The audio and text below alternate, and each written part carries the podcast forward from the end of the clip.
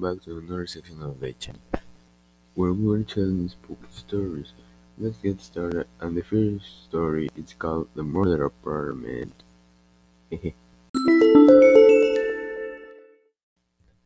is a story of a family that lived in Texas, but moved to Canada to a small apartment called El Sol, and it was built on and it was built on the top of a cemetery.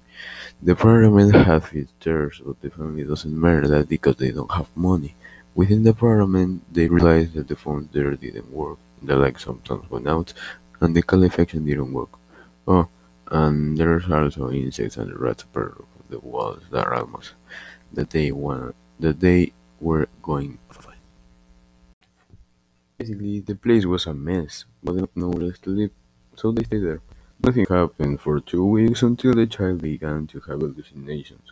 He went to tell his mother, but she did not pay attention to him. She was more worried about how they were going to get out of there, and apart they had just fired her from her job, so she was very stressed. And his father his father began to hear voices. The voices told him to kill them. And he one day when they was having dinner they he he took a knife and cut the neck of her son and wife and become suicide. Now the ghost of the family walk around the department looking for people to kill them.